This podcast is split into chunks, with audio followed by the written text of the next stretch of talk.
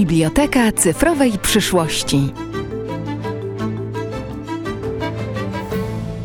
Agata Łysakowska-Trzos, doktorantka na Wydziale Historii Uniwersytetu im. Adama Mickiewicza w Poznaniu, Arkadiusz Szymański. Dzień dobry. Dzień dobry. Zapraszamy słuchaczy do kolejnej audycji Biblioteka Cyfrowej Przyszłości.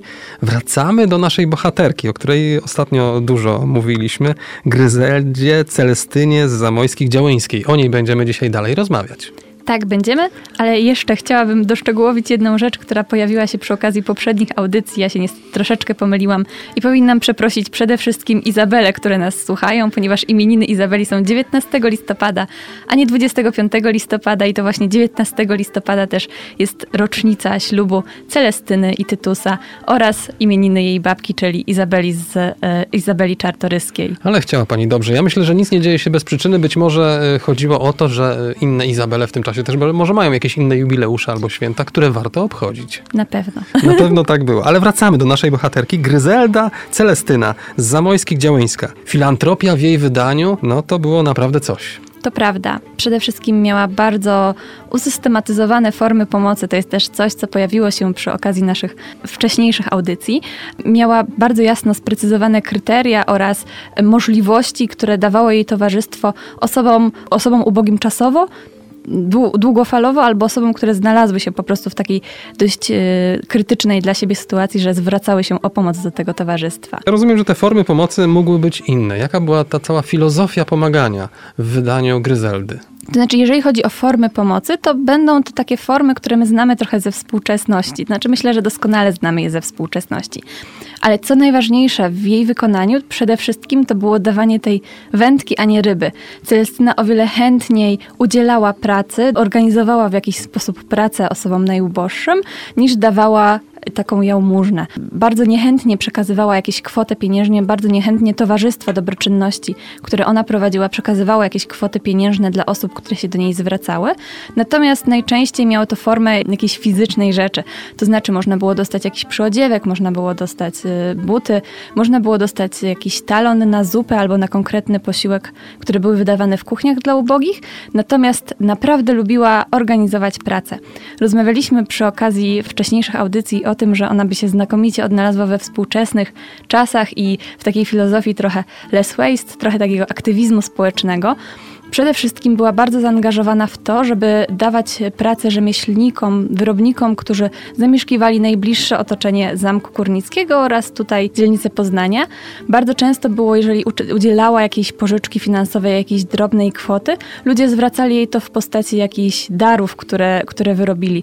Przykładem mogła być na przykład żona szewca, która pobierała jakieś datki dla swoich dzieci albo jakieś e, talony na jedzenie dla swoich dzieci, ale w zamian oddawała na przykład pary trzewików, które zostały wykonane dla towarzystwa. I co ważne, te trzewiki również nie były potem sprzedawane w jakiś sposób, ale były po prostu przekazywane dalej innym osobom potrzebującym w ramach tego towarzystwa. Myślę, że jest to taka bardzo, bardzo współczesna też myśl i myślę, że Celestyna z tą swoją filozofią w bardzo dobry sposób by się odnalazła również, również we współczesnych czasach. Czyli nic nie mogło się marnować. Nawet coś, co było uszkodzone, można było naprawić i mogło służyć dalej innym osobom. Tak, no to ona praktykowała również w swojej rodzinie. Mówiliśmy już o tym, że jakby suknie były przerabiane. Łączyło, wiązało się to po prostu z jej takim pragmatyzmem i pewnym podejściem do rzeczy. Bardzo mnie ciekawi, gdy ona y, przedstawiała to wszystko swoim podwładnym, bo tak możemy nazwać te kobiety, które pomagały jej w tym towarzystwie, to czy te kobiety nie bały się iść w takie zaułki jak Śródka, jak Chwaliszewo? No bo to przecież takie trochę mroczne przestrzenie i czy gdzieś one one tam nie miały oporów, żeby się tam udawać? Oczywiście, że miały. W większości miały. Tak naprawdę przy Celestynie po pierwszych kilku miesiącach pracy w tym towarzystwie zostało bardzo niewiele dam, które chciały jeszcze z nią współpracować. To było w ogóle bardzo ciekawe, ponieważ ona podzieliła sobie Poznań e, na okręgi. Poszła trochę za przykładem Karola Marcinkowskiego, który w swoim stowarzyszeniu które powstało troszeczkę wcześniej, podzielił właśnie Poznań na takie okręgi dla ubogich, na czele którego stał e, lekarz i taka osoba odpowiedzialna za ubogich w danej dzielnicy. Czyli to wszystko było bardzo dobrze zorganizowane. Tak, nic się nie działo przypadkowo. Tutaj trzeba oddać Celestynie, że ona miała to wszystko znakomicie, znakomicie przemyślane, jak to powinno funkcjonować. E, I rzeczywiście, jeżeli przejrzymy te kartoteki ubogich, ponieważ mamy je zarówno w wersji alfabetycznej, ponad 20 teczek, każda z nich jest poświęcona innej literce alfabetu, w której są nazwiska na, na daną literkę. Drugie, drugie kartoteki to są z kolei właśnie kartoteki okręgów, czyli mm, podział ubogich ze względów na miejsca, które zamieszkiwali. Widzimy, że one przede wszystkim były właśnie przygotowywane przez Celestynę. Jest troszeczkę, chociaż bardzo mały procent kart, które przygotowywały jakieś inne damy z tego towarzystwa, natomiast było widać, że ona bardzo lubiła się też wtrącać w to, jak ta pomoc jest przeprowadzana, w jaki sposób nadzór nad tymi ubogimi jest przeprowadzany, ponieważ bardzo często zdarza się, że nawet jeżeli jest jakaś karta, która nie jest wypisana przez nią, to na dole i tak jest jakiś dopisek Celestyny, że ona to sprawdziła, albo ona się dowiedziała od kogoś, że ta osoba na przykład rzeczywiście jest warta pomocy, albo że nie jest warta pomocy, bo rozmawiała z księdzem i ksiądz jej powiedział, że no to... właśnie, o to chciałem spytać. Jak działała ta siatka informatorów, którzy e, mogli przekazywać informacje, że słuchaj, no taka i taka osoba potrzebuje pomocy, taka i taka osoba jest w trudnej sytuacji materialnej. Takiej i takiej osobie należy jakoś pomóc, bo sobie nie wiąże końca z końcem, no i to się może dla niej bardzo źle skończyć. Czy ona miała na to jakiś pomysł, jak ona wyszukiwała tych swoich beneficjentów, którym należało pomagać? Do towarzystwa można było trafić e, na kilka sposobów. Przede wszystkim to były właśnie te panie, które ruszyły w te brudne dzielnice Poznania i rzeczywiście chodziły po, po tych domkach, szukały osób, które potrzebowały pomocy. Dzisiaj Mówiły... powiedzielibyśmy pracownicy socjalni, którzy udają się w takie zakamarki no tak. i prowadzą tam swoją pracę mm, społeczną taką. Tak, tak, tak. One sprawdzały w jakich warunkach żyją, żyją te mhm. osoby. E, w momencie, w którym w jakiś sposób one wciągały te, takie osoby na listę tego towarzystwa, no to też chodziły po tych, po tych dzielnicach i następnie sprawdzały, jak te osoby się na przykład prowadzą, bo to też było ważne. Bardzo trudne działania, bo to przecież gdy coś, ktoś sobie zda sprawę z tego, jak wyglądają takie dzielnice powiedzmy sobie trochę kolokwialnie, szemrane, no to, no to taka dama z dobrego domu, gdy tam pójdzie, to naprawdę dyskomfort to chyba jest za mało powiedziane. No myślę, że tutaj rzeczywiście musiały wyjść poza swoją strefę komfortu tak dość solidnie. Natomiast warto też powiedzieć, e, mówiliśmy o podziale w towarzystwie w poprzedniej audycji, jak, jak wyglądała cała hierarchia towarzystwa. Celestyna również zachęciła do, swojej, do tej pomocy swoje córki. Anna Potocka między innymi pisała w swoich wspomnieniach, że jakby bardzo lubiła pomagać mamie, że miała swoich ubogich na Półwiejskiej, a nawet na Górczynie i to był dla niej taki powód do dumy, że ma swoich ubogich, którym tam może czasami oddać, nie wiem, parę pończoch. I to jest dla mnie zachwycające, muszę w ogóle powiedzieć, że to nie było udawane, bo jeśli ktoś robi coś takiego już w swojej rodzinie, gdzieś tam wśród swoich dzieci, no to świadczy o tym, że ufa tej idei, którą sobie obrał, ufa tym pomysłom, które ma w głowie, przekazując to swoim dzieciom puszczając je na głęboką wodę, aby działały w takim a takim zakresie, naprawdę musi mieć to mocno przemyślane. Tak, i ta filozofia Celestyny, y, w ogóle jej takie podejście do życia, ono potem objawia się w, jakby w postępowaniu jej, jej dzieci, tak? Mamy przykład jej córki, która potem mm, na zaproszenie swojej siostry Jadwigi, która już się tutaj też pojawiała, przebywała u niej w Paryżu i wiemy, że na przykład szukała tam sukni dla siebie, która jednocześnie będzie suknią, którą określilibyśmy jako ubiór na kilka okazji jednocześnie.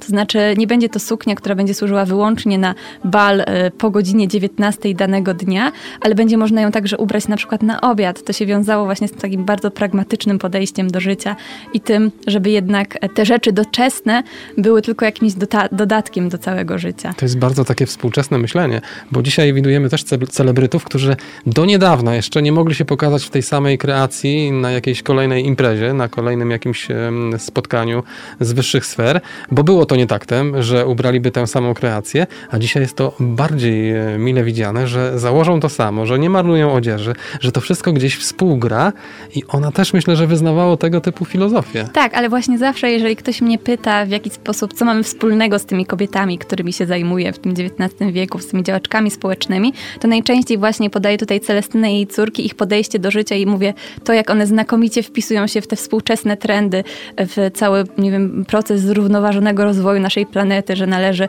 nie wiem, czerpać na przykład dobra tylko od lokalnych lokalnych wystawców, do, do lokalnych dostawców, albo że właśnie należy dbać o swoje ubrania, albo w jakiś sposób korzystać, nie wiem, z ubrań z drugiej ręki. Więc myślę, że tutaj e, no jakby pomimo tego, ile lat nas dzieli, jednak bardzo dużo mamy wspólnego. Czyli to nie jest wynalazek naszych czasów, drodzy Państwo.